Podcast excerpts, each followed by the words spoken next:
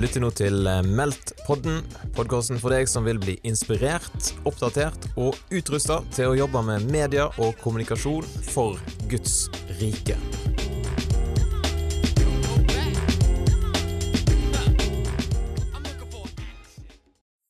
Yes, yes, yes, yes. Velkommen skal dere være til dette webinaret. Da setter vi offisielt i gang. Velkommen skal dere være til webinaret 'Hvordan nå gjennom støyen på sosiale medier' i regi av eh, mediekonferansen Meldt.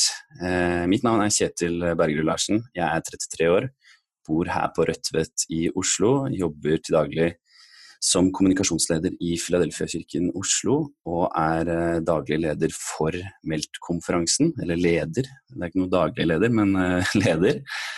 Jeg har med meg et eh, nydelig team der, som eh, flere av de er med her i kveld og hører på. Det er veldig bra. Uh, vi skal i kveld ha et webinar. Vi holder på ca. en time.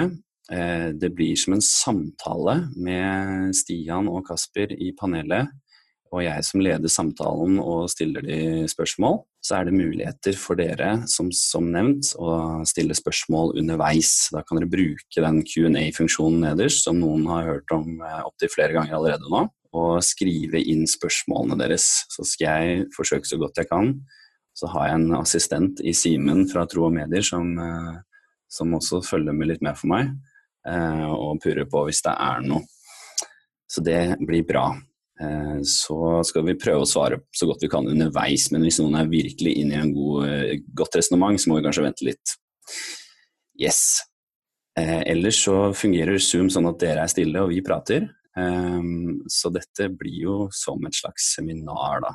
Litt om mediekonferansen Meldt. For dere som ikke har hørt om oss før, så er vi en endags mediekonferanse i Filadelfia-kirken Oslo. Eh, vi er et unikt eh, treffpunkt for alle som jobber med medier og kommunikasjon, enten i kirkeliv eller i forretningsliv. Eh, og vi ønsker å samle, inspirere og utruste de som jobber med medier og kommunikasjon, til å dele Guds rike der de er med sine verktøy. Så vi ønsker å nå veldig bredt ut, og så ønsker vi å ha et smalt fokus på å dele Guds rike til folk på ulike måter, for det kan se ut på veldig mange forskjellige måter. Vi har hatt uh, tre konferanser. Skal ha vår fjerde nå, lørdag 24. oktober. Enten som en vanlig konferanse, uh, det kommer jo an på denne koronasituasjonen, eller så kjører vi det online. Men altså lørdag 24. oktober uh, skjer det. Og du kan gå på meldtkonferansen.no for å lese mer. Og vi vil slippe mer program og bidragsytere utover våren nå. Eh, årets tema er stories. Vi skal rett og slett dykke ned i hvor utrolig viktig historiefortelling er når du jobber med medier og kommunikasjon. Det blir veldig bra. Jeg gleder meg. Yes. Da skal vi eh, snart slippe til våre to bidragsytere. Og de vi har med oss i dag, eh, det er Stian eh, Reinhardsen, som er Chief Brand Officer i markedsføringsbyrået Reinhardsen Media. Han er også administrator for reiselivsfenomenet Midt-Norge og manager for Instagram-kjendisen og vinneren av ikke mindre enn italienske Skal vi danse, Lasse Lung. Stian har også vært eh, tour manager for eh, DJ-en Matoma og jobbet med store internasjonale kunder innen sosiale medier. Så har vi Kasper Roaldsvik Vassbotn, han er senior manager i digitalbyrået Noah Connect, eh, som faktisk bytta navn fra Proletar eh, tirsdag denne uken. For de oppmerksomme så fikk dere med dere at det skjedde et bytte der. Eh, og han har jobbet med digital markedsføring i ti år med flere av landets største annonsører, så vel som internasjonale merkevarer. Dette er altså to karer eh, som jeg nå skal eh, slippe til her. Eh, som vi må kunne si at eh, bidrar i det vanlige med at folk skal lykkes med digital kommunikasjon. Så eh, nå skal vi få Kasper og Stian opp her, skal vi se. Der har vi Kasper og Stian. Velkommen, gutter. Takk skal du ha. Skal vi se, Kan jeg få en uh, tommel opp fra Simen på at uh, dere hører Stian og Kasper uh, bra? Hvis, Kasper, hvis du sier noe til folket? God dag, god dag. Veldig godt å se deg ta på deg skjorta, skjorta, Stian. Det er bra. og Stian, du er der? Ja, jeg er her. Hører dere meg? Jeg hører deg bra, i hvert fall. Ja, det er bra. Nei, jeg tenkte jeg måtte være på en måte det seriøse alibiet av oss to. Det er flott. Fyrte skjorta. Veldig bra. Så bra. Da er vi på plass. Ehm, Jeg tenkte vi skulle begynne litt sånn eh, på en måte jovialt, men det kan jo også være Nei, vent litt nå. Nå skal jeg begynne med noe eh, Jeg skal begynne et helt annet ende. En helt annen ende. For litt sånn ehm, sånn som vi tenker samtalen skal gå i dag, er jo at vi kommer til å prate litt eh, til de som jobber i kirke eller kristen organisasjon, og vi kommer også til å prate litt i forhold til forretningsliv eller bransje børs eller katedral, som du også kan si. Så det jeg har lyst til å prøve nå, er rett og slett Har alle skjønt den uh, rekke opp hånda-knappen? Eh, jeg håper jo det, da. Ellers så kan dere skrive på Q&A. Hvor mange er det her som er fra kirkebakgrunn eller kristen organisasjonsbakgrunn? Kan dere rekke opp hånda deres nå? Bruke den funksjonen. Alle fra kirke eller kristen organisasjon. Eller som er frivillig, altså frivillig eller eh, ansatt. Skal vi se her. Da får vi opp en god gjeng. Det var en solid gjeng. Eh, Jeg telte i hvert fall 40 stykker her nå, så da eh, Og så er vi 63 eh, pålogga, så da vet vi litt hvor landet ligger. Yes, det er bra. Takk skal dere ha. Ja, så til dagens tema, da. Det er mye innhold som deles på sosiale medier. Det kan vi være enige om, punktum. Men med denne koronasituasjonen så er det jo enda mer enn før, sant. Eh, så hvordan når man ut gjennom denne støyen med budskapet sitt? Eh, for det virker jo også eh, som at det ikke bare deles mer om dagen, men at de som konsumerer, altså de som blir utsatt for det som blir delt, også engasjerer seg mer og rett og slett konsumerer mer innhold i form av likes, delinger, kommentarer, klikk og visninger. Instagram rapporterte nylig at de hadde en økning på engasjementet på betalte innlegg med 22% fra fjerde kvartal i fjor til første i år. Og TikTok kunne også si at fra februar til mars nå, så har de hatt en 20, eh, 27 økning på engasjementet sitt. Eh, bare så å ha noen sånne tall til å, til å begynne med. Um, og jeg bare tenker um, sånn til å begynne med litt sånn, litt sånn jovialt, da, som jeg var inne på, men også kanskje litt seriøst. Hvordan har denne situasjonen vært for dere, Stian eh, og Kasper? Du kan begynne, Stian. Hvordan har du merka det i, i firmaet ditt? Vi merker det ganske godt i forhold til at um, de aller fleste kundene som vi jobber med, de er blitt um, uh, litt mer forsiktige. Uh, noen av kundene vi har, de har uh, fått egentlig hele grunnlaget sitt, eller på en businessen sin, satt på vent. da.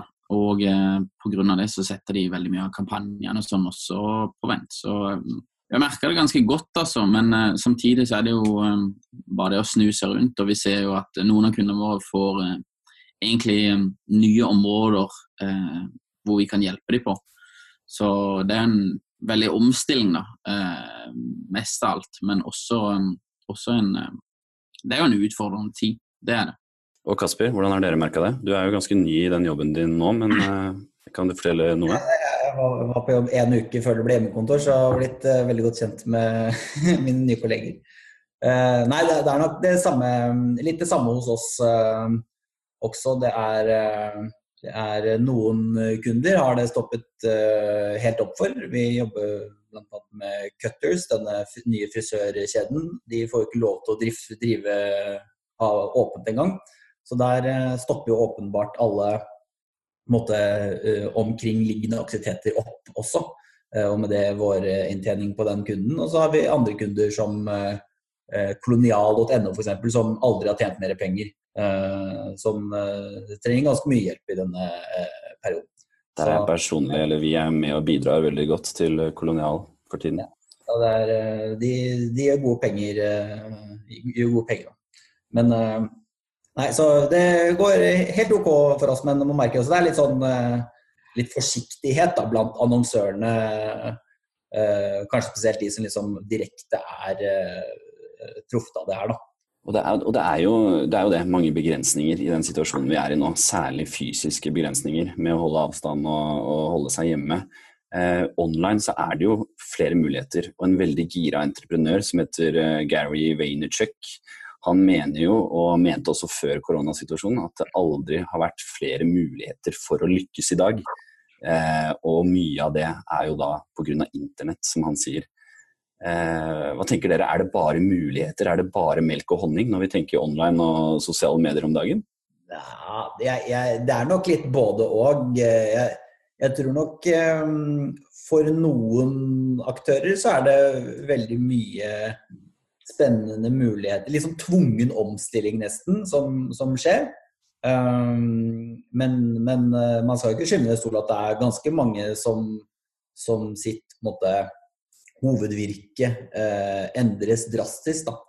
Én eh, ting er jo frisørkjeder, f.eks., eh, eller, eller kirker. Det er jo man, man, kan jo på en måte putte gudstjenesten online, men, men, som vi snakket om her om dagen, Kjetil, så er det jo er en stor del av, av, av gudstjenesten er jo dette fellesskapet, eh, som ikke er like lett å replikere i en eh, sånn online eh, løsning.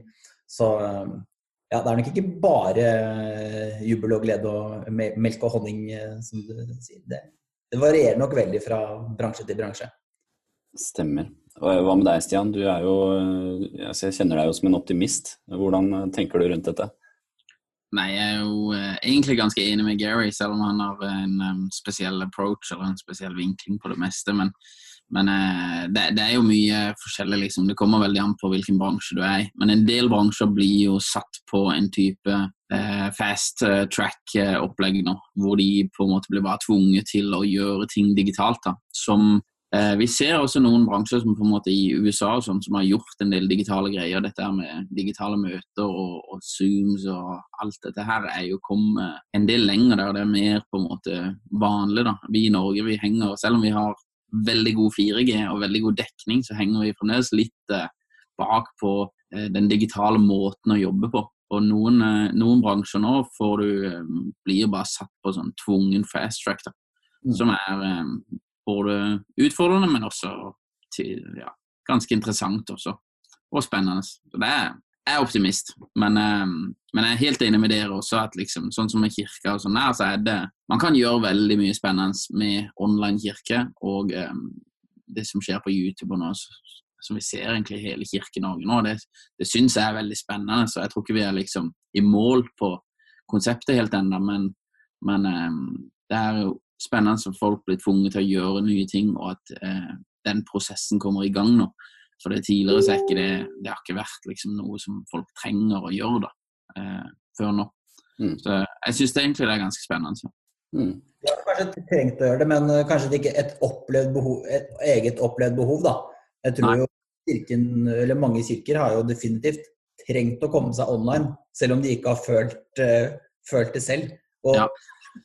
samme gjelder jo Eh, det er kanskje litt seint, men man ser jo nå på det, den delen av retail-bransjen eller varehandelen som ikke har investert i å komme seg online, og som har vært litt trege på det. De lider jo en ganske mye de, de, lider mye mer enn de som har vært dyktige og investert i, i å komme seg eh, online eh, i mange år da, og bygge på en måte en uh, tilstedeværelse der. Så, ja, helt enig. Vi, vi, har jobba med Bula, i et par år nå, og de selger egentlig bare nest, nesten alt det de selger via Gressvig, XXL og, og til Sport1 og litt sånn der. Og det er jo De også blir jo plutselig satt i en veldig utfordrende posisjon, da. For det Ja. De skulle vært online tidligere, hardere og større og bare satt, brukt veldig mye mer krefter og energi på det. Ja, og Apropos det dere er inne på her nå, vi har jo merka det selv i, i kirka jeg jobber, eh, at vi har hatt en veldig bratt læringskurve og måtte snu oss eh, kjapt. Vi er jo en stor kirke, så vi er ikke akkurat en speedbåt, men vi har klart å, å hive oss eh, rundt. Um, og det er jo mange som har kommet seg online og viser gudstjenester, kanskje flere man skulle tro. Jeg har blitt overraska å se hvor mange også mindre kirker rundt omkring som, som, som får ting ut. Ehm, hva tenker dere om det Kirken har fått til? Er gudstjenester laga for eh, strømming og visning online? Ja, skal jeg begynne på denne? Ehm, jeg tenker absolutt at kirka har en plass på digitale flater og på sosiale medier. Ehm, og om det er på en måte det å bare filme en gudstjeneste og så legge den ut på, på YouTube, liksom, om det er riktig eh, riktig måte å gjøre det på, det er jeg ikke helt sikker på. Eh, Pga. at eh, man er i en annen sfære, man er i en annen atmosfære også. Eh, man er gjerne hjemme, man er i bilen for noen, og eh, andre steder som du på en måte Du møter ikke disse folkene og sånn, så det er en litt annen eh, mental setting når du er online, da. Eh, og derfor tror jeg at det fint kan tilpasses litt. Men uten at man skal ta vekk essensen. Men jeg tror ikke det er jeg tror ikke nødvendigvis det er en super vinningssak å bare ta og filme en vanlig gudstjeneste og så mure den online. Selv om det er bedre enn ingenting, for å si det sånn, da. Uh, men jeg vet ikke hva du tenker om det, Kasper? Nei, jeg er, eh, jeg er veldig enig, og kanskje spesielt dette med, med, med den konteksten man uh, jeg, man, man, bruker kanskje ikke ordet 'konsumere innhold' eh, om en gudstjeneste, men det er jo på en, måte, eh, på en måte man gjør det også. Å ta del i noe. Eh, og det er jo en annen kontekst. Og, og, jeg tror jo det stiller helt andre krav til kvaliteten og hvordan vi klarer å holde på oppmerksomheten til mennesker. fordi Eh, når, når jeg Dette tror jeg selv den frommeste eh, pinsevenn eh, må se seg skyldig i. Men man sitter jo selv på en kjempegod gudstjeneste under en kjempegod preken, så soner jo huet ditt ut sikkert både én og to og tre ganger bare fordi det er helt menneskelig. Eh, problemet når du ikke sitter i kirken, men sitter på Mac-en din eller på mobilen min, er at plutselig så har du eh, gått eller åpna Facebook, eller du liksom har bare dette helt ut. Så, så man er mye mer sårbar for, for liksom ren menneskelig atferd og dårlig oppmerksomhetsspann. Så, så, det krever jo en helt annen Det krever mye mer, da. Det er jo mye vanskeligere. Um, så um, man må nok uh, tenke litt sånn gjennom, hvis man virkelig skal liksom klare å påvirke mennesker med, med den aktiviteten man har, da. Så, så, tror jeg man må tenke litt gjennom det. Og så er det jo litt sånn det prinsippet hvor eh, vi, man bruker jo litt, eh, sikkert litt energi og krefter på å få denne gudstjenesten opp eh, online. Og så putter du 15% mer ressurser i det, da, så kanskje får du tilbake mye mer enn de 15% i faktisk engasjement og respons. Da. Så, så ja. Men som du sier, er helt enig at heller, eh, heller bare filme den gudstjenesten legge ut enn ingenting. Mm. Eh, så, men eh, ja. Vi skal jo videre nå liksom, og se, se, litt på hva, hvilke råd dere vil gi da, for å prøve å komme gjennom støyen uh, som finnes. Og, og, mange har jo sikkert nok med å bare få ting ut, uh, om det er gudstjeneste eller, uh, eller ellers. men det å komme seg gjennom, da.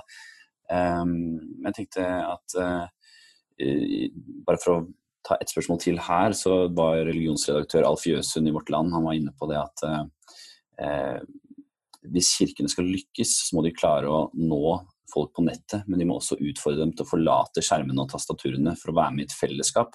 Altså et fysisk fellesskap. Da. Og det, det, er jo litt sånn, Vi kan snakke om mye hva en gudstjeneste er, men det er jo feiring av Gud, og det er, det er noen bestanddeler. Og så er det dette fellesskapet som du er inne på, Kasper. Um, hvordan, hvordan, kan man få til det? da? Hvordan kan man få til den overgangen der? Um, har bedrifter noe å lære oss her? Mm. Jeg, jeg, jeg, jeg, tror jo Nå snakker vi jo mye om, om, om kirker her. Øh, og jeg, tror jo aldri, En online gudstjeneste vil jo aldri kunne erstatte det store fellesskapet man har på en gudstjeneste, og den atmosfæren man kan skape der, og de relasjonene man kan skape der. Ehm, men, men som Gjørsund sier, så, så, så, tror jeg Kirken også er helt avhengig av å være til stede der. Og det mulighetsrom som fins eh, i de digitale kanalene til å eh, få og skaffe seg oppmerksomhet rundt eh, den fortellingen eh, Kirken forteller, eh, er jo helt unik. Uh, det, er litt, det, er litt, lettere å få noen til å se på en uh, Facebook-film enn å få dem til å ta på seg skoene og dra til en gudstjeneste. Det er ganske høy terskel for mange. Uh, så, så, man har jo en helt unik mulighet, det har vi hatt i tiår med Facebook nå, å faktisk klare å fortelle den fortellingen om Jesus og, og, påvirke mennesker der de er, for så å ta de inn i kirken og det store fellesskapet. og og, og, og hjelpe de å, bli til disipler. Um, så jeg tror jo Dette her er jo en, uh, for Kirken en ekstremt god mulighet. Uh, og litt sånn tvungen, uh, tvungen upskilling, da. til å faktisk lære seg å bruke kanalen og investere ressurser i disse kanalene fordi det gir en helt unik mulighet til å faktisk få mennesker på sikt da, til å komme inn i kirkerommet også. Det er noen som poengterer her at, at, de også føler på en følelse av fellesskap når de ser gudstjenesten eh, søndag klokka 11. Og det er jo eh, litt sånn Sosiale medier er jo et verktøy eh, som må reflektere virkeligheten. Og man skal jo ikke kimse av det fellesskapet man, man kjenner på online eh, også, altså. Absolutt ikke.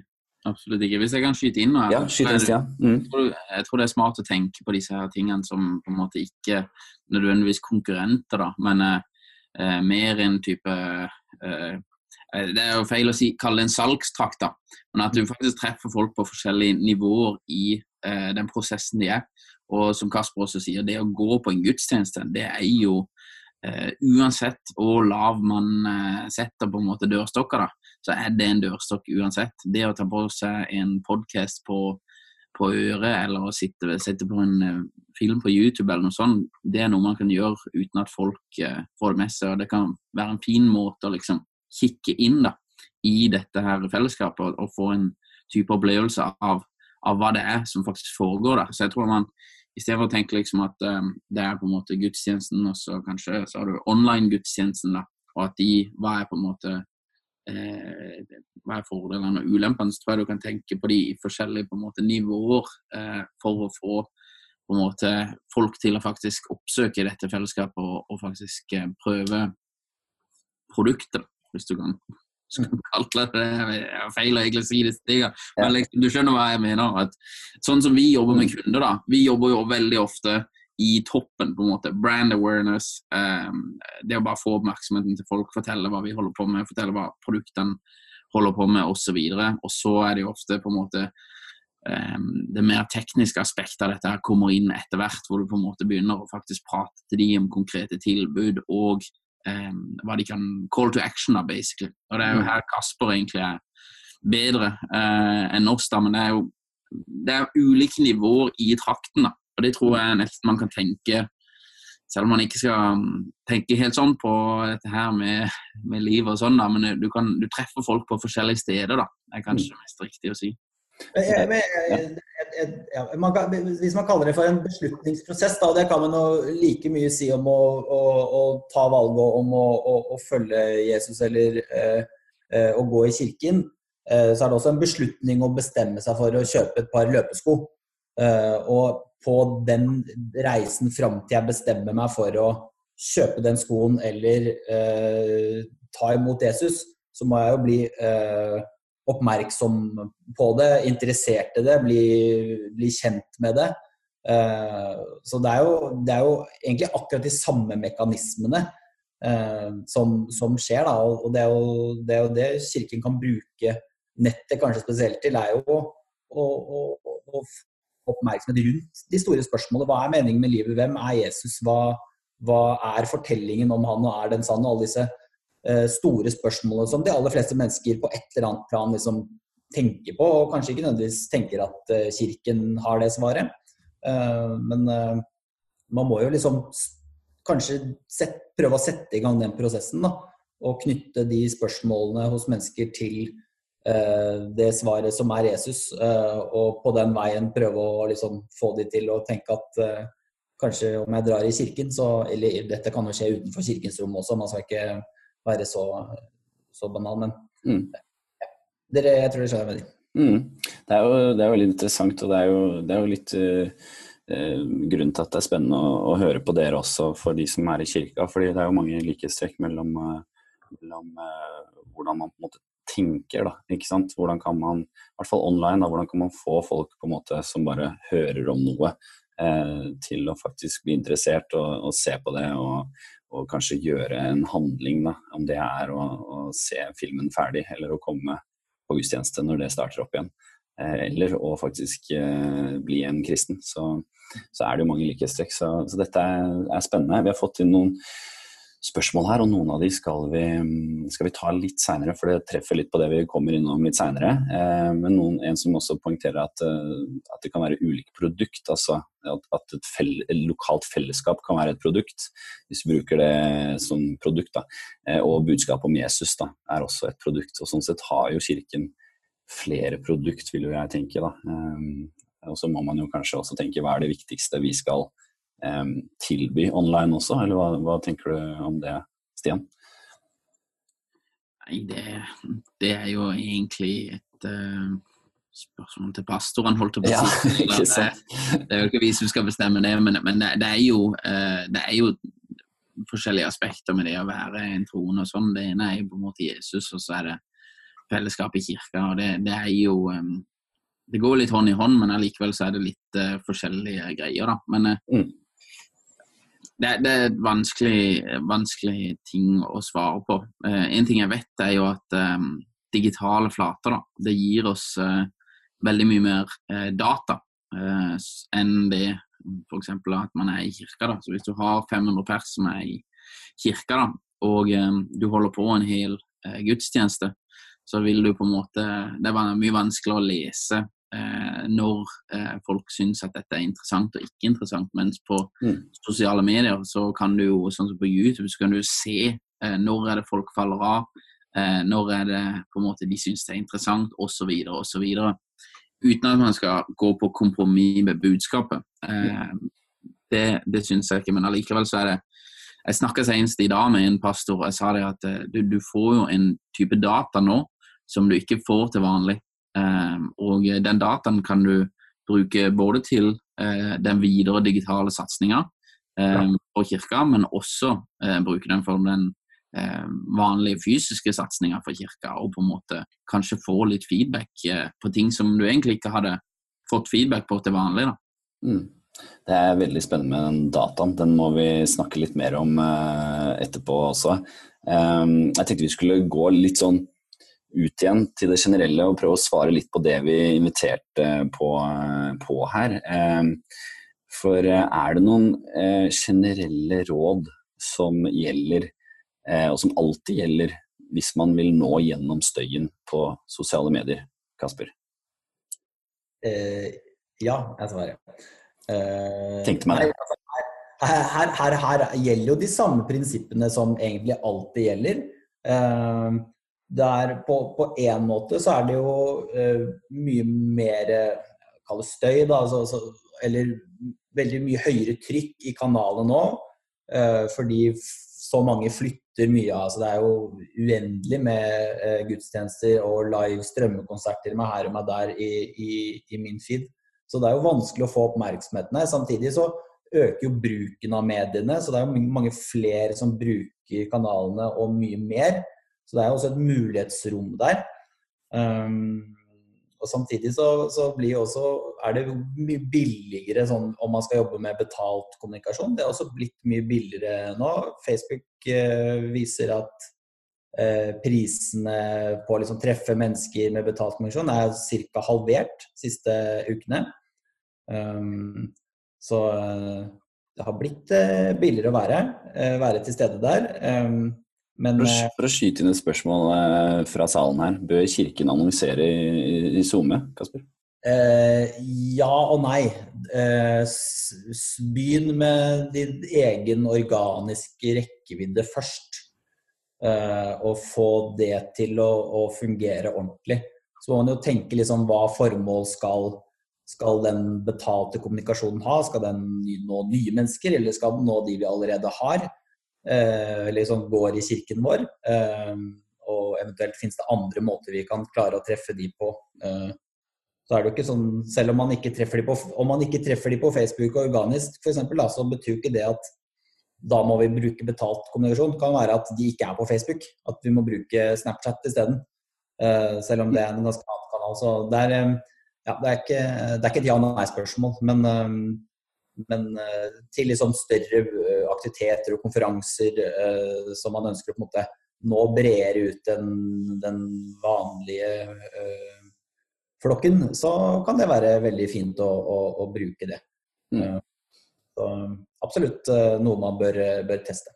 Jeg er veldig enig der, men jeg ville nok begynt også med hvem er det vi skal nå, og hva er det vi tenker å, å si til de, liksom. Og hvordan skal vi få formidle verdi. Altså at det er det vi ser. Vi ser iallfall at veldig mange, både brands, men også kirker og egentlig alle, de sitter og poster og fyrer ut på en måte budskap fra seg selv. da. Mm. Og da har det eh, en effekt for de selvfølgelig, fordi de får sagt et eller annet, men eh, vi må hele tiden komme til bunns i hva er det konsumentene i dette budskapet sitter igjen med, og hvordan klarer vi å formidle verdi til de da.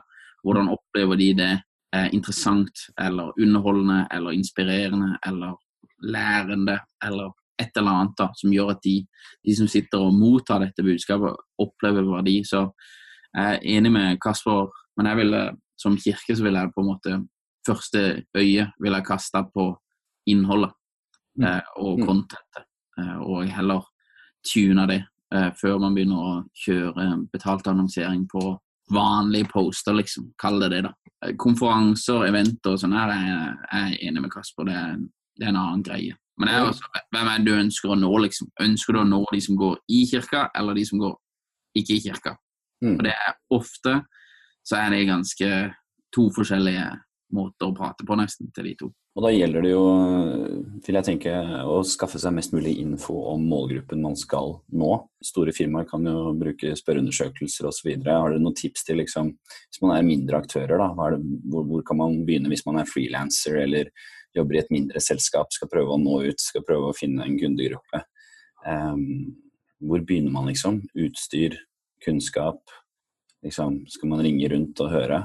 Hva ville dere gjort? Tenk, tenker du for uh... For å nå ut med, med budskapet sitt da, gjennom støyen, hvis du eh, ja. skal eh, ja, komme gjennom, rett og slett? Nei, det fins jo altså, Det kommer jo litt an på, men sånn som hvis man sitter på en, en, altså egne kanaler, så fins det jo mye innsikt i de kanalene. Og prøve å, å, å, å, trekke ut noe derfra. Det er jo som vi satt og så på Filla sin, sin aktivitet i det siste, som antallet mennesker som, er, som, følger og som engasjerer seg, øker jo eh, ganske kraftig, eller har økt ekstremt mye de siste ukene. Samtidig så ser man jo at det er en ganske stor dissonans mellom de som engasjerer seg, og, og kanskje de som er eh, Jeg vil ikke si noen er viktigere enn andre å treffe, men at det er liksom i forhold til de som følger Philadelphia sin Facebook, og de som engasjerer seg, så er det en ganske stor diff. Eh, det handler jo litt om eh, ulike atferdsmønstre i målgruppen, men også hvis du ser at okay, vi, vår målgruppe for disse i, i kirken vår er, eh, er, denne aldersgruppen, og så ser man at det er en helt annen aldersgruppe som engasjerer seg, eller det, det er veldig høyt engasjement hos kvinner og ikke noe engasjement hos menn, så må man jo på en måte se ok, hva er det vi Eller omvendt, hva er det vi Hvordan kan vi øke engasjementet der det ikke er engasjement? Da? Ehm, så det finnes jo både i Facebook og Instagram, og, eller kanskje spesielt Facebook og Instagram. Mm. Så mm. der er det mye spennende å, å hente. Um, men jo, jeg skal bare uh, plukke opp Nå snakket vi også litt bort fra, fra, fra, det innledende spørsmålet om hvordan man bryter um, gjennom støyen. Og det nevnte jeg liksom Det er jo um, Vi har jo liksom basic prinsipper som, som handler om å bare lag bra innhold. Sørg for at det er i riktige formater, og at du kommer til poenget fort og ikke bruker 100 år på, på å begynne og, og, sånn standard eh, holdt på å si best practice for å lage innhold for sosiale kanaler. Um, men så tror jeg denne, denne koronasituasjonen eh, gjør jo på en måte omstendighetene eh, Eh, ganske annerledes. Og det bør jo definitivt informere eh, enten man er kirke eller, eh, eller en merkevare eller et produkt eller en tjeneste, som tror jeg det er viktig at man har et forhold til den situasjonen man er i. da. Og ikke sånn som når vi driver med Jeg hadde planlagt masse Instagram-greier for Jesus og Selectro før dette her starta, og liksom schedula masse poster. Men de, når det er liksom bare good times, uh, let's party, gleder oss til sommeren-type uh, greier, så passer det ganske dårlig uh, nå. Så da må man tilpasse seg litt. Og så, jeg leste en, et innlegg av noen kolleger av meg som har skrevet en bra artikkel om hvordan man skal tilpasse seg en krisesituasjon da, på generell basis. Og at de da deler inn en krisesituasjon i tre deler. Det første, som er litt den vi er i nå, kanskje litt på vei ut av, så er den første delen hvor det er liksom Nå er det krise. Og det er sirener og og alt blir snudd på hodet. Og tenke litt av hvordan skal eh, min merkevare eh, snakke og være i dette her. Og, og da tror, jeg, tror, man det er viktig å, å vise uh, citizenship, eller liksom at du er et medmenneske. da. Uh, og ikke liksom sette deg selv først og din merkevare og, og skal, hei, her er vi, og husk å kjøpe joggesko, det er viktig å holde seg i form. Uh, eller på en måte prøve å pushe det, men heller uh, tenke hvordan kan, kan vi bidra inn i dette? Hvordan kan vi hjelpe mennesker, hjelpe landet vårt, samfunnet vårt? Og, og, og, ikke sette seg selv først. Det tror jeg er veldig viktig, et viktig prinsipp når man er i den første krisefasen. og så kommer man inn i den der vi kanskje Man får jo se da, hvor vi beveger oss nå, som er i den eh, bedringsfasen eller recovery-fasen hvor ting begynner å eh, normalisere seg litt. Um, der tror man det er viktig å, å, vise optimisme og fokusere på kundens uh, behov. Og også liksom være, gjennom alle disse fasene, være litt tilbakeholden. Um, ikke, ikke, på, liksom, på å være der, men i forhold til å snakke om produktet ditt eller tjenesten din. Um, og, og, på en måte bare snakke om og tenke på hvordan vi skal tilpasse oss i liksom denne endringsfasen. Da. Nå kan jo, eh, samfunnet kan jo uh, tilpasse, eller recover ulike, på ulike måter. Uh, I finansmarkedet snakker man veldig om at om du har en u-recovery, at det liksom går ned, og så går det, rett, går det ganske liksom godt opp igjen. Eller om man har en sånn V-recovery, som er rett opp. Eller om man har en L, at det blir veldig lenge nede. Eller man har en, som man har sett i noen av landene, at det er liksom en, du går ned, og så går det opp, og så har du litt eh, rekyl, at folk plutselig blir syke igjen, og så går ting ned igjen. Eh, og ha et forhold til liksom, hvor er det vi er, og hvordan utvikler dette seg, og prøve å, tilpasse seg eh, den recovery-fasen. og så, nå skal jeg runde av, jeg har prata lenge. og så er det når vi er ferdig med det her, hvordan er samfunnet da? Er det et helt annet, er det en annen virkelighet da? Jeg tror jo vi kommer liksom relativt tilbake til normalen. Men samtidig så er det nok ganske mange, mange ting som endrer seg. Mange verdier som endrer seg. Det, jeg tror Etter dette her så vil jo mer og mer fra å ha gått på en sånn individualisme og selvrealisering, så plutselig handler jo ting om nærhet og familie og liksom, liksom grunnleggende trygghetsbehov. Eh, jeg tror jobber i staten blir veldig mye mer sexy nå enn det har vært før. Eh, for det er ingen i staten som blir permittert, men alle som eh, driver og holder på ute i privatsfære, de blir permittert over en lav sko. Så det er en del sånne ting. Hvilke verdier er, er det som har endret seg da, i, i, etter dette her? Um, og hvilken atferd. Uh, at uh, ganske mye mer er flyttet online nå, da. Um, så det, det, tror jeg er viktig å liksom, forholde seg til det. Uh, og prøve å liksom Man vet jo ikke hva som kommer til å skje, men mappe ut litt sånn ulike scenarioer. Eh, så vil nok eh, tiden vise at de som forholder seg til det på den måten, er de som, kommer best ut av det. Prøver å forberede seg på hvordan dette kan bli etterpå. Og Det tror jeg er viktig for Kirken, da, og, og kanskje spesielt å, mm. å tenke på. Veldig interessant analyse der. Altså, Kasper, du, du, går jo ut i samfunnsanalysesporet her. Burde jo nesten vært på et leserinnlegg, det her. Eh, veldig bra. Um, jeg tenker, Stian, har du, noe, har du, noe, annet du vil legge på, liksom, på, på generelle tips liksom, for å nå gjennom, eller er det noe spesielt du tenker på nå om dagen som du vil liksom, legge ekstra trykk på for folk, eh, som er viktig nå? Ja, jeg så det var et spørsmål her oppe. Uh, og det er jo på en måte utstyret er uh, det første. Og det, der svarer nei.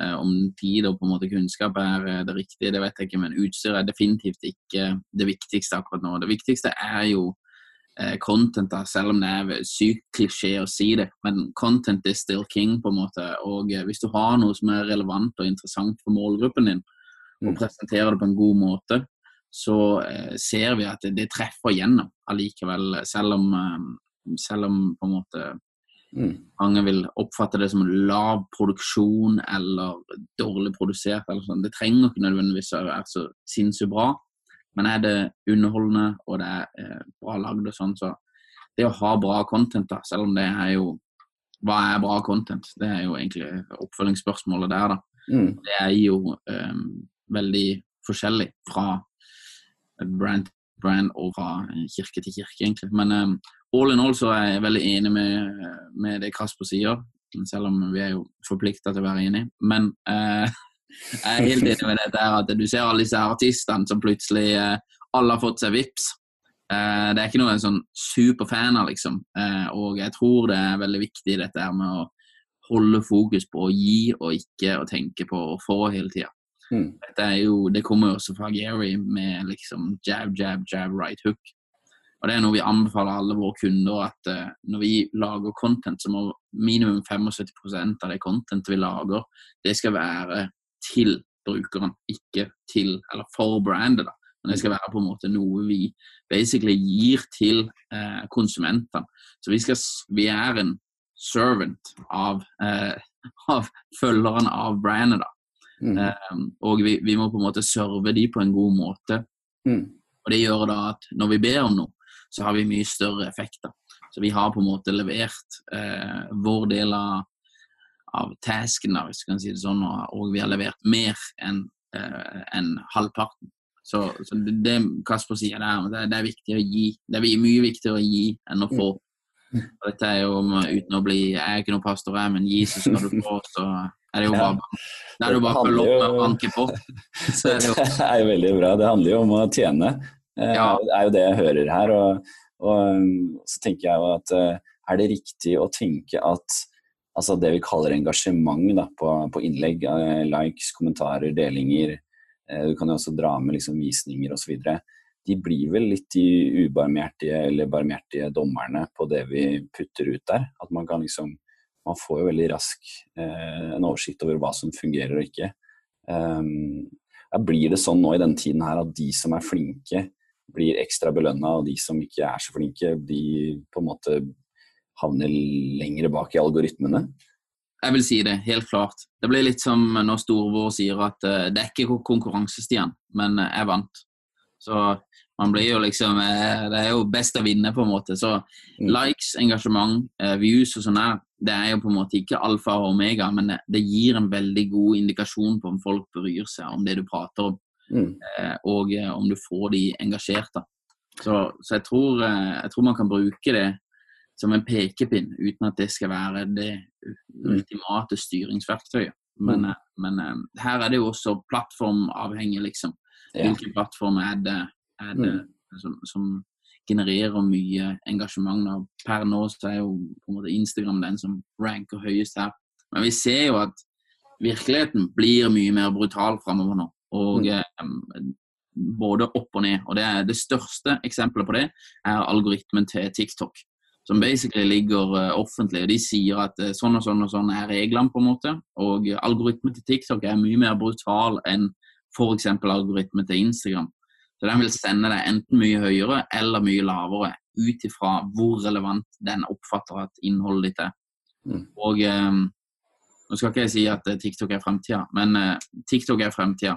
Og eh, hvis du tenker liksom at hvis du tenker at det er for kirke eller sånn her, så er det, ja, vi kan ikke være på TikTok, og vi er, det er bare for kids og sånn der, så kan jeg informere deg om hvem som er på TikTok nå, og det er Øyvind Hellstrøm. Og hvis Øyvind Hellstrøm kan være på TikTok, så kan alle kirker i Norge også være på TikTok. En, eh, en eh, frekk oppfordring der fra, fra Stian. Eh, og jeg tenker Nå nærmer vi oss, eh, tida går fort i godt lag, og vi får inn mange gode spørsmål her. Eh, vi bare liksom som vertskap her si at vi i Meldt har tenkt tanken på å kjøre flere webinarer også, eh, litt i forlengelsen av det her. Eh, men jeg tenker på kanskje interessant å bare kjapt svare på eh, Stian, at eh, hvis, du, hvis du merker at du ikke når ut, da, eh, at du, du ikke får engasjementet, du treffer ikke, hva, hva gjør du liksom?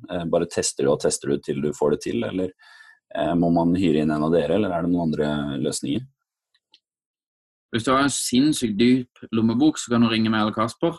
Hvis ikke, så vil jeg bare fortsette å teste. Og eh, egentlig, det som du ikke må gjøre, det er basically bare å fortsette i samme sporet. Mm. For det er ikke bare vil du ikke få noe effekt av det. Og eh, hvis, du er, eh, hvis du bare gjør det samme hele tida og forventer et annet resultat, så er du en idiot. Mm. Eh, er det jo et kjent eh, utsagn, men sånn som Instagram og disse her lærer seg at eh, det denne personen, dette brandet eller denne kirka poster, det er urelevant. Så eh, når de da poster noe som er plutselig relevant, da, så vil jo reachen på dette her og engasjementet være fremdeles veldig lagt lokk på. Så eh, du gjør det, du egentlig graver din egen grav da, med å bare fortsette å mate på i et spor som er lite relevant. da. Mm. Så, mm, så er jo et annet spørsmål hva er lite relevant, liksom? Hvis du får 20 likes da, av riktige personer eller folk du ønsker å treffe, så er jo det Det, det kan være bra, liksom. Mm. Det kan være bra. Dette er jo forskjellige parametere. Vi jobber med et, eh, vi jobber med et advokatselskap. Og der var det sånn, Hvis vi klarte å skape fire leads i måneden, da, eh, så var det en kjempegod måned. Eh, og eh, liksom, De trengte to likes. så var dette her, Det var good times, altså, for de trengte bare fire jobber i måneden. Så var det, det var mer enn nok. altså, Da hadde de jobb opp til ørene. Ja. Og det er jo veldig hva, hva, Man kan ikke liksom gå ut på Instagram og tenke at uh, her, nå, nå vi kommer til å drukne i likes, liksom.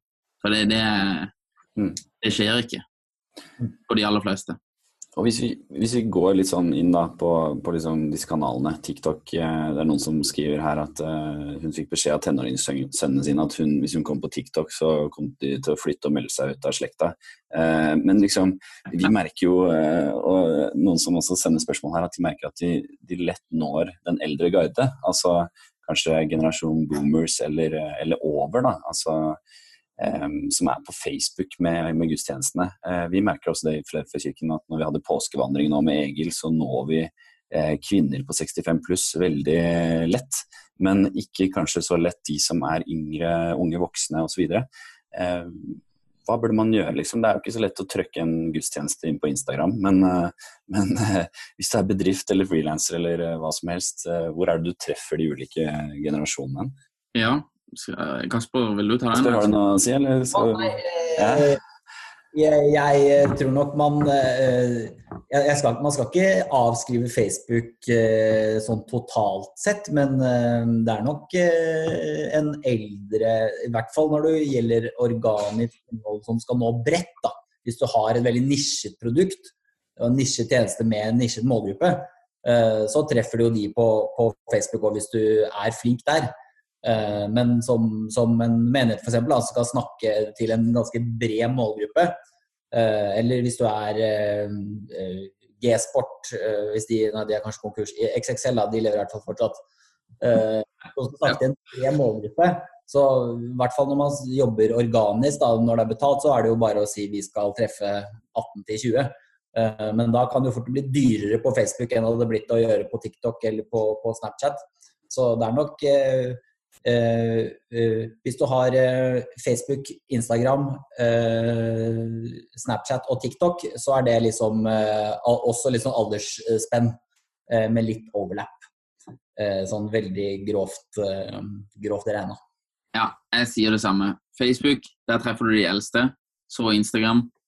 Så kanskje Snapchat, og så TikTok. Men Snapchat og TikTok er jeg ikke helt sikker på. Det som vi ser på TikTok, det er at gamlinger, sånn som oss da, som er 30, de raser inn på TikTok nå. Det er en eksplosiv vekst i følgerbasen på TikTok. Eh, og, og på en måte folk som har profil og konsumerer innhold. Eh, nå er vel kanskje terskelen for å lage innhold på TikTok, den er eh, kanskje litt høy for noen foreløpig. Men, eh, men eh, det er veldig veldig mange som konsumerer på TikTok, og eh, han rewarder veldig videoer som, som blir lagd som er kule å lage de appene, altså. Mm. Så um, det er um, Ja, det kommer litt an på hvem du skal, hvem du skal treffe, altså. Men um, samtidig også så tror jeg det er positivt å ikke tenke at du skal gjøre alle sosiale medier, og så bare gjør du alt sånn halvveis. Da er det bedre å på en måte tenke at OK, vår kjernemålgruppe er på en måte disse her som er 50 55 år gamle, og vi, vi, bruker, vi setter fokuset vårt på Facebook og bruker energien vår der, enn å på en måte spre seg veldig tynt. da. Mm. Og så bare en kommentar til det, så, så er det jo den å liksom Kanskje spesielt i disse liksom nye kanalene, så er det jo noe med å på en måte uh, ha troverdighet der òg. Altså hvis liksom du døtter plussord uh, inn på TikTok, så, og Egil skal gjøre noen danser i tillegg og liksom tilpasse seg den plattformen, så faller jo det gjennom. Så man må jo på en måte klare å ha troverdighet i plattformen, i plattformen også. Det er ganske viktig. Så det er ikke bare å, å trykke innholdet sitt eller trykke de menneskene eller måten man snakker på inn der. Man må tilpasse seg den konteksten og atferden uh, der også. Det er, det er, ganske viktig. Og så til sist så vil jeg også si om TikTok, så det som er interessant, en interessant ting, er, um, er, hvis dere har hørt om um, youtuberen er han nå, uh, som heter David Dobrik, som er kanskje verdens største, eller en av verdens største youtubere nå. Um, han, begynte, han, begynte, som en Vine-fyr, uh, som var en liksom, forløperen til TikTok. Pretty much same type of platform. Um, og bygde seg opp en ganske stor følgerskare på sånn på seks sekunders type videoer. Um, og så uh, Det han klarte å gjøre, var å flytte hele audiencen sitt fra TikTok over på YouTube, hvor du har uh, en mye større, uh, større mulighet til å liksom fortelle lengre historier, selv om innholdet hans fortsatt er sånn jeg tror Hver film er maks 4, 4, minutter og 20 sekunder, og alt er klippet sånn smack, smack, smack. Men, men det er noe med på en måte prøve å liksom skape et eller annet på en plattform som kanskje ikke er den, den, de forutsetningene, den konteksten man vil på en måte levere sluttproduktet sitt, men du kan bruke det til å flytte folk videre. da, eh, Og få oppmerksomhet og, og skape engasjement og interesse og nysgjerrighet. Eh, og så kan vi heller flytte, prøve å flytte folk videre inn til andre plattformer, så man kan gå litt sånn dypere og ha litt mer liksom, det som Facebook kaller lean in. Content. Mm. Så, så, man må tenke altså, Det er liksom ikke bare liksom nå gjør vi den kanalen der og den kanalen der, men at man kan også tenke at disse kanalene kan spille sammen og, og ha ulike roller i ulike faser i denne beslutningsprosessen, hvis vi kaller det mm.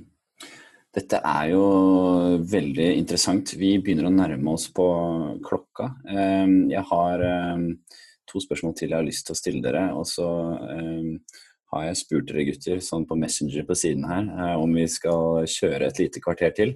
Eh, for de som har lyst til å henge på. Eh, så har ikke du svart på det, Kasper. Da skal du få lov til å gjøre det der. Der er du med. så vi kjører et kvarter til, rett og slett, fordi dette er eh, såpass verdifullt. Eh, ja, Kasper, vær så god. Eh, kan jeg bare løpe på do? Det kan du. Kasper går på do, vi andre fortsetter eh, litt da. TikTok-spørsmål nå. skal vi gjøre TikTok. Ja, Egil Svartdal kommer på TikTok i løpet av to måneder. det, er, det, er, veldig spennende. Ja, altså det er jo noen som spør her, Stian, hvordan kan f.eks. Kirken bruke TikTok? da? Er det for alle? Kan du liksom gå inn der og bare sette i gang?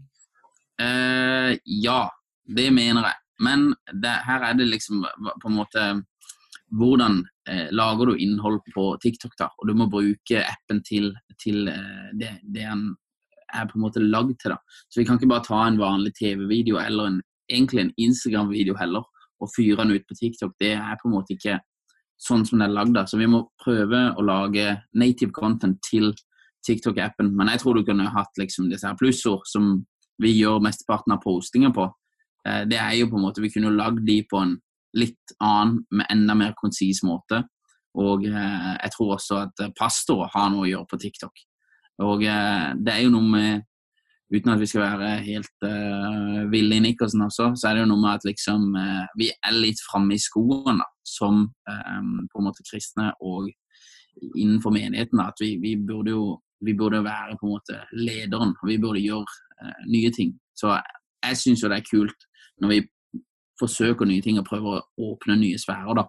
Og um, de som um, tror at TikTok bare er dansende jenter Eh, selv om det er veldig mye dansende jenter, så er ikke det sannheten. liksom. Det er veldig mye forskjellig der. Det er, mye, det er folk som gir råd om alt mulig fra, fra eiendomsutvikling til, til businessdrift. og det, det, er alt mellom himmel og jord Da. Så du kan bare på en måte ta en tur inn på appen, kikke litt for åssen det er. Jeg tror det er iallfall eh, Ja. Jeg skal prøve å få Egil eh, til å komme på TikTok i løpet av et par måneder nå. Så er vi i gang. Veldig spennende. Vi gleder oss til å se det. Eh, salmer og lovsang og sånn? Nei, vi må, vi, må en, vi må, gjøre det på en, bra måte. Det må, være, det må være smart, liksom. Men jeg tror det er mulig. Men det er jo kortere, enda mer bom, bom, bom, bom, bom. Her tenker jeg sånn her, For en pastor så kunne du kjørt liksom ett vers. da. Så du kan kjøre ett vers. Her har du et vers. Prate bare kjapt om det. Og egentlig bare sånn her boom, boom, boom, bullet points om dette verset. da. Du mm. trenger ikke mer enn 15-20 sekunder. Vi kan ikke ha alle disse folkene som prater eh, to ord i minuttet, liksom. Vi må jo ha Ja. Da er det bare å kjøre reklame. Vi, vi, har kjørt en reklame hvor det er noen som prater så sykt sakte, og den kjørte vi Det er for eh, boliger i Spania. Og den kjørte vi mot eh, 60- og 65-åringer nede i Østfold, og den gikk som hakka møkk, altså. De har god tid, det er ingen problem. Denne reklamen varer i fem minutter, de sitter og ser på, studerer dette her. så, så, det er jo veldig hvem vi skal treffe, da. Men skal vi treffe de nye eh, og på en måte up and coming eh, folk, da, eller eh, unge, så må vi, vi må være framme i skoene, vi må være oppe i ringene, vi må ute på skøytebanen, og vi må kline til. Vi, eh, vi, eh, kjører noen spørsmål, gutter, og så prøver dere å svare litt kjapt på det. Um, skal vi se her um, Det er noen som sier her at uh, en som heter Barry, som snakker om i en bok, vil jeg tro, om mengden av muligheter hindrer folk i det hele tatt å ta valg. Hva tenker dere rundt det om at alle kirkene samles på Facebook? Uh, og noe, et spørsmål som er litt i samme gata også, uh, at de fleste har bare lagt ut tradisjonelle gudstjenester. Um, online? Burde vi tenkt mer utradisjonelt, og burde det være live, eller burde det være opptak? Altså, hva tenker dere her? Det er mye likt. Kasper? Ja, nei, jeg tror man bør, bør tilpasse seg definitivt. Jeg syns jo Altså, når, når, når, man ser på, når vi ser på dataen på filmene til Eller livesendingene til, til Philadelphia, da, så er det jo dette, Det er jo sånn det ser ut på de aller fleste. Eh, men at du har en graf som viser eh, det kan man se i Facebook, en graf som viser hvor, eh, hvor måte, mange som blir gjennom filmen, og når folk ved hvilke minutter de begynner å falle av. Og Stort sett for de aller fleste filmer så går den rett ned, og så blir den liggende på sånn 20% og så sakte, men sikkert. da. Så, så måtte se litt på den og se litt på den og se er det noe vi kan gjøre for å få folk til å ikke dette med en gang. Mm. Eh, og, og måte se på hvor, hva er gjennomsnittstiden folk bruker her. Eh, jeg tror gjennomsnittstiden på en gudstjeneste Nå er jo det på en måte med alle som Facebook teller som en view. da, som Hvis jeg bare scroller gjennom feeden og den spiller av tre sekunder, og så scroller jeg videre, så mener Facebook at jeg har sett på den filmen, og den telles inn i på en måte average watch time. Så, så mm, det er jo ikke helt uh, aktuelt. Men nei, ta ja, nei, man må tenke litt på hvordan man legger ut. Og det er jo interessant å se her, da, på det vi gjør her nå.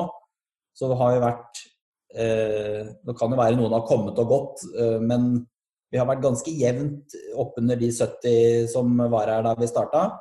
Eh, og på en måte bare hvor mange som har falt av her, i forhold til hvor mange som hadde falt av hadde vi liksom spilt inn dette her og så bare lagt ut på Facebook. Mm. Eh, er jo en helt annen greie. Så kanskje liksom, ok, kanskje vi skal gjøre gudstjenester eh, eller noen ting som webinarer isteden. Mm. Så på en måte prøve å evaluere liksom mulighetene, da. Mm. Ja. Veldig interessant.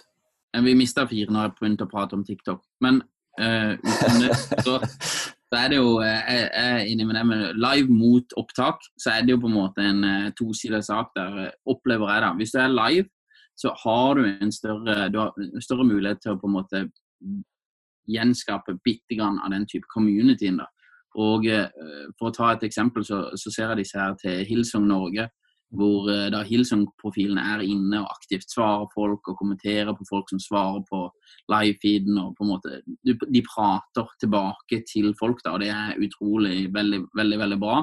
og, og, veldig riktig måte å gjøre det på. Samtidig så, så, er det jo på en måte Man kan ikke være så veldig redd for å gjøre noe live pga. at man skal gjøre noe feil, eller at man skal si noe blunders eller noe sånt. Der. Jeg ville vært mer redd for å eh, ha en periode hvor det er veldig uinteressant, hvor du mister mye følgere. Så Derfor er det på en måte en fordel å gjøre det i opptak, da, for du kan, du kan tighte det ganske mye opp. da. Men, eh, men eh, ja, det har både pros and cons å kjøre live og i opptak. Mm. Ja.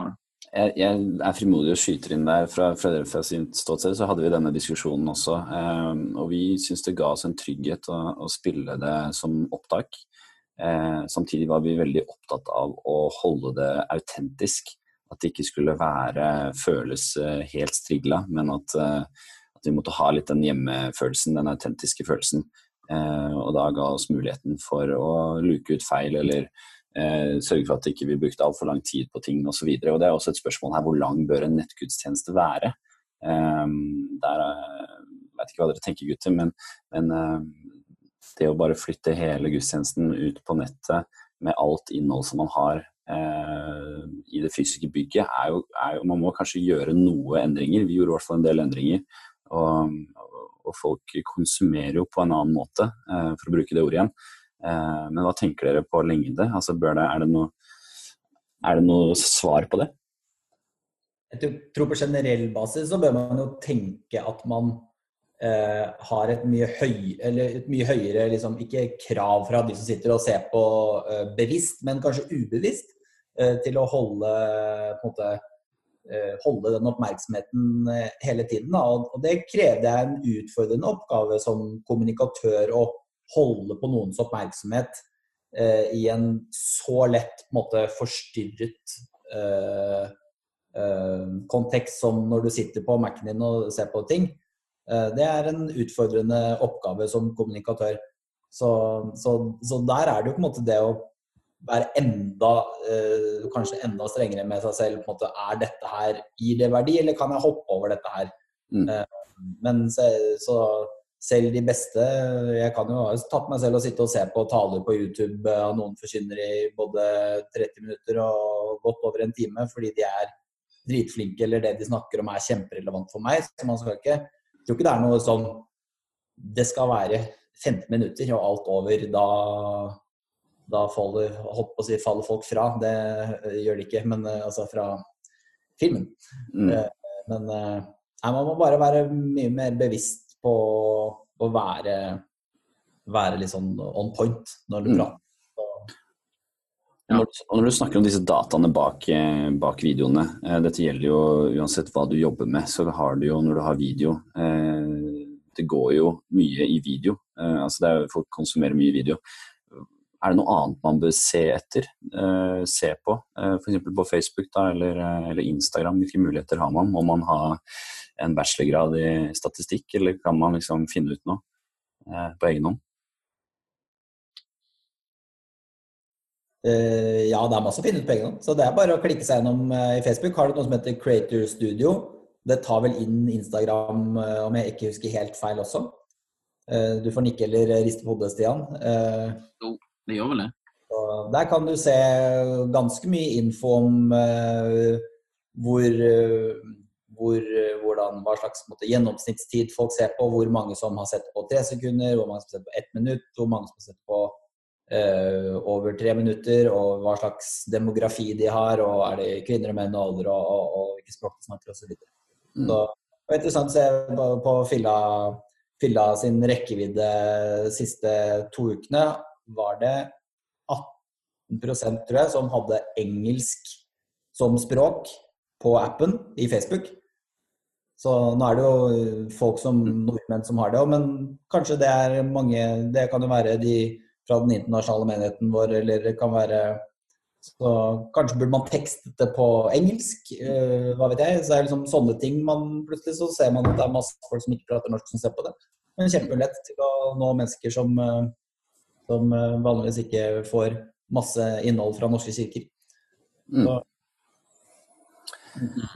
Spennende der, altså. Vi kan jo dykke langt ned i alle disse punktene. Jeg tenkte jeg skulle bare gå innom eh, innom en ting her når det gjelder hvilke liksom, devices Nå blir det veldig engelsk her. Hvilke mobil eller laptop osv. Jeg har henta fram noe statistikk som jo viser at vi bruker veldig mye av tiden vår på mobil på sosiale medieapper.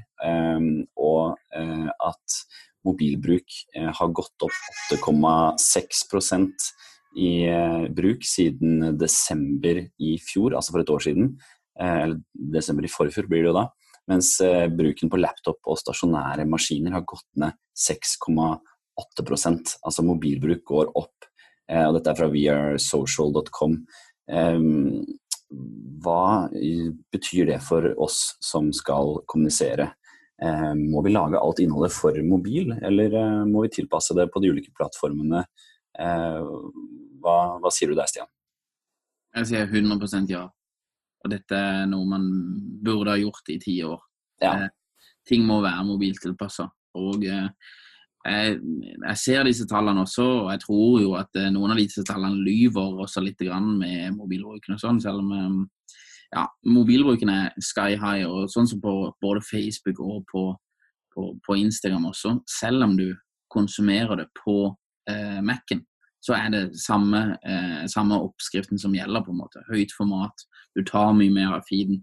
Så det er egentlig, selv om du hadde på en måte sagt at dette skal treffe folk på, på, eh, på Mac-en eller på PC-en, eller noe sånt, der, så ville jeg lagd det i samme format eh, da uansett. Utenom det eneste unntaket, eller unntaket er jo på en måte dette her som er lean in, lean in content, hvor du på en måte ser lenger. YouTube, eh, disse her Facebook eh, ja, Facebook-videoene som er veldig lange og sånn. da. Men hvis du har på en måte light, eh, light content under et minutt, eller opp til et minutt, så, så er 100% at det burde være mobiltilpassa. Mm. Jeg nesten våge meg opp til 120 altså, for å være helt sikker. Ja, og det gjelder også alle generasjoner, tenker du? Hvis du, hvis du spesifikt tenker de eldste, ville du gjort det der også, eller? Ja, jeg ville enda mer gjort det til de eldste. For det er det vi ja. ser også veldig mange år. Så lager de på en måte videoer som er basically lagd til TV-en, og så kjører de den ut på, på uh, Facebook eller Instagram eller sånn, med spons på. Og da er teksten. Så de tekster det eller et eller annet sånn informasjon, og den teksten er så liten at uh, alle disse gamlingene de ser jo ikke den. De klarer ikke å lese den uansett. Så det er jo på en måte, Da går du jo med vann opp til beina uansett. Så lag dette her til å bli konsumert på telefonen. Det hjelper oss som er unge, eh, unge og det hjelper også disse her som er gamle. Mm.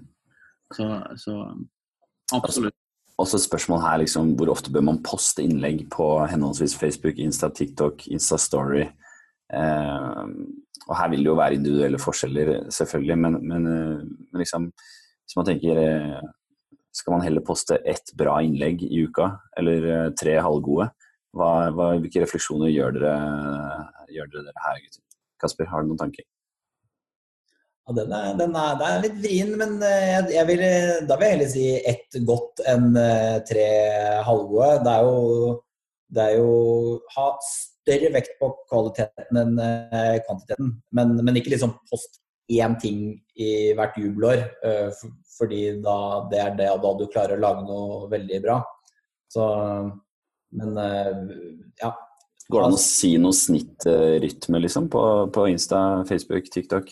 Ja, altså skal, du, skal man klare å, å, å holde måte, merkevaren din top of mind, da, om man skal bruke det, det, det, begrepet, så er det jo viktig å være til stede um, hele tiden.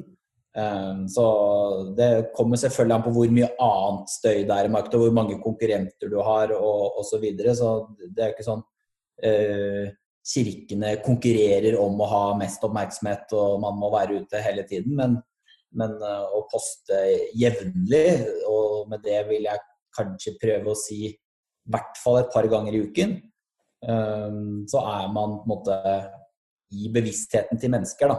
Um, eh, det er, det er gjort, Apropos liksom disse tidene vi er i nå, så er det, eh, ble det gjort eh, Dette har jeg notert, altså, notert meg, jeg har ikke sånne her ting i huet. En fyr som heter dr. Steven Buck, gjorde fra 1975 til 2001 en undersøkelse om hvordan Eh, hvordan merkevarer som Eller hva måte, markedstrykk har å si i krisetider. Eh, og gjorde en undersøkelse. og det, det, Den konkluderer ganske kraftig med at de merkevarene som eh, faktisk investerer en høy, eh, en måte, mer enn hva de gjør i normale tider, er de som vinner. Eh, versus de som da på en måte ja, nå er det krise, nå må vi bare roe helt ned. Eh, de ender opp som de store taperne, og de som faktisk investerer. og Det er både liksom i form av mediebudsjetter, men også bare investerer på en måte i å uh, publisere og være til stede. Da. Det er de som vinner, da. Kanskje spesielt i en markedssituasjon. Men, men så er man jo samtidig, selv om Kirken ikke liksom konkurrerer med andre, så er det allikevel en konkurranse om oppmerksomhet. og det er en konkurranse om om eh, å være de som setter agendaen og meningsbærere osv. Så, videre. så Så jeg mener definitivt Kirken har en anledning nå til å, og kanskje spesielt med tanke på, på, at man eh, i Kirken har en historie for å faktisk tjene andre. At vi kan være noen som kommer med måte, innhold og ting som tjener mennesker, ikke bare i kirken vår, men, men i landet vårt, i byene våre. Um, og være med å bringe håp og nestekjærlighet og, og, medmenneskelighet. Det er verdier som mm. er mm. mer aktuelle enn noensinne nå. Veldig uh, og, sant. Mm. Very well equipped uh, til å klare å levere på det. Så mm. viktig at man er ute. Det er sant. Kristne og Kirken har jo ofte gjort det bra i krisetider. Så den tar vi med oss fra pastor Vassbotn. Um, nå begynner tida virkelig å løpe fra oss her. Uh, er, altså jeg jobber jo i pinsekirke, så vi er jo vant til et kvarter både før og etter. Men uh, av respekt for folk så skal vi uh, runde av nå. Og vi rakk ikke alle spørsmålene. Jeg syns vi var innom veldig mange spennende ting, og jeg ser jo her at vi kan ha veldig mange flere webinarer rundt dette her. Ehm, vi håper å få lagt dette ut som podkast, enten som en lang en eller som flere korte. Jeg skal høre med gutta her hva som er lurest. Ehm, og så håper jeg at dere vil følge med. Og jeg tenker at en del av de spørsmålene som vi ikke svarte på, og kanskje du har noen andre som dukka opp underveis, det går det an å ta med seg på vår Facebook-gruppe som heter Meldt forum. Den finner du på, på Facebook hvis du søker. Eh, bli med der, og så kan vi fortsette praten. Og, og, du kan få noen erfaringer fra andre som har eh, vært i lignende situasjoner som det du er i. Um, så jeg håper dere har hatt en god, drøy time med oss her på torsdag kveld. Eh, vi sier en stor takk til Kasper og Stian som tok seg tid til det her. Og på vegne av mediekonferansen Meldt så, så, takker jeg for følget, og følg med videre. Gud velsigner alle, og lykke til. Ha det godt.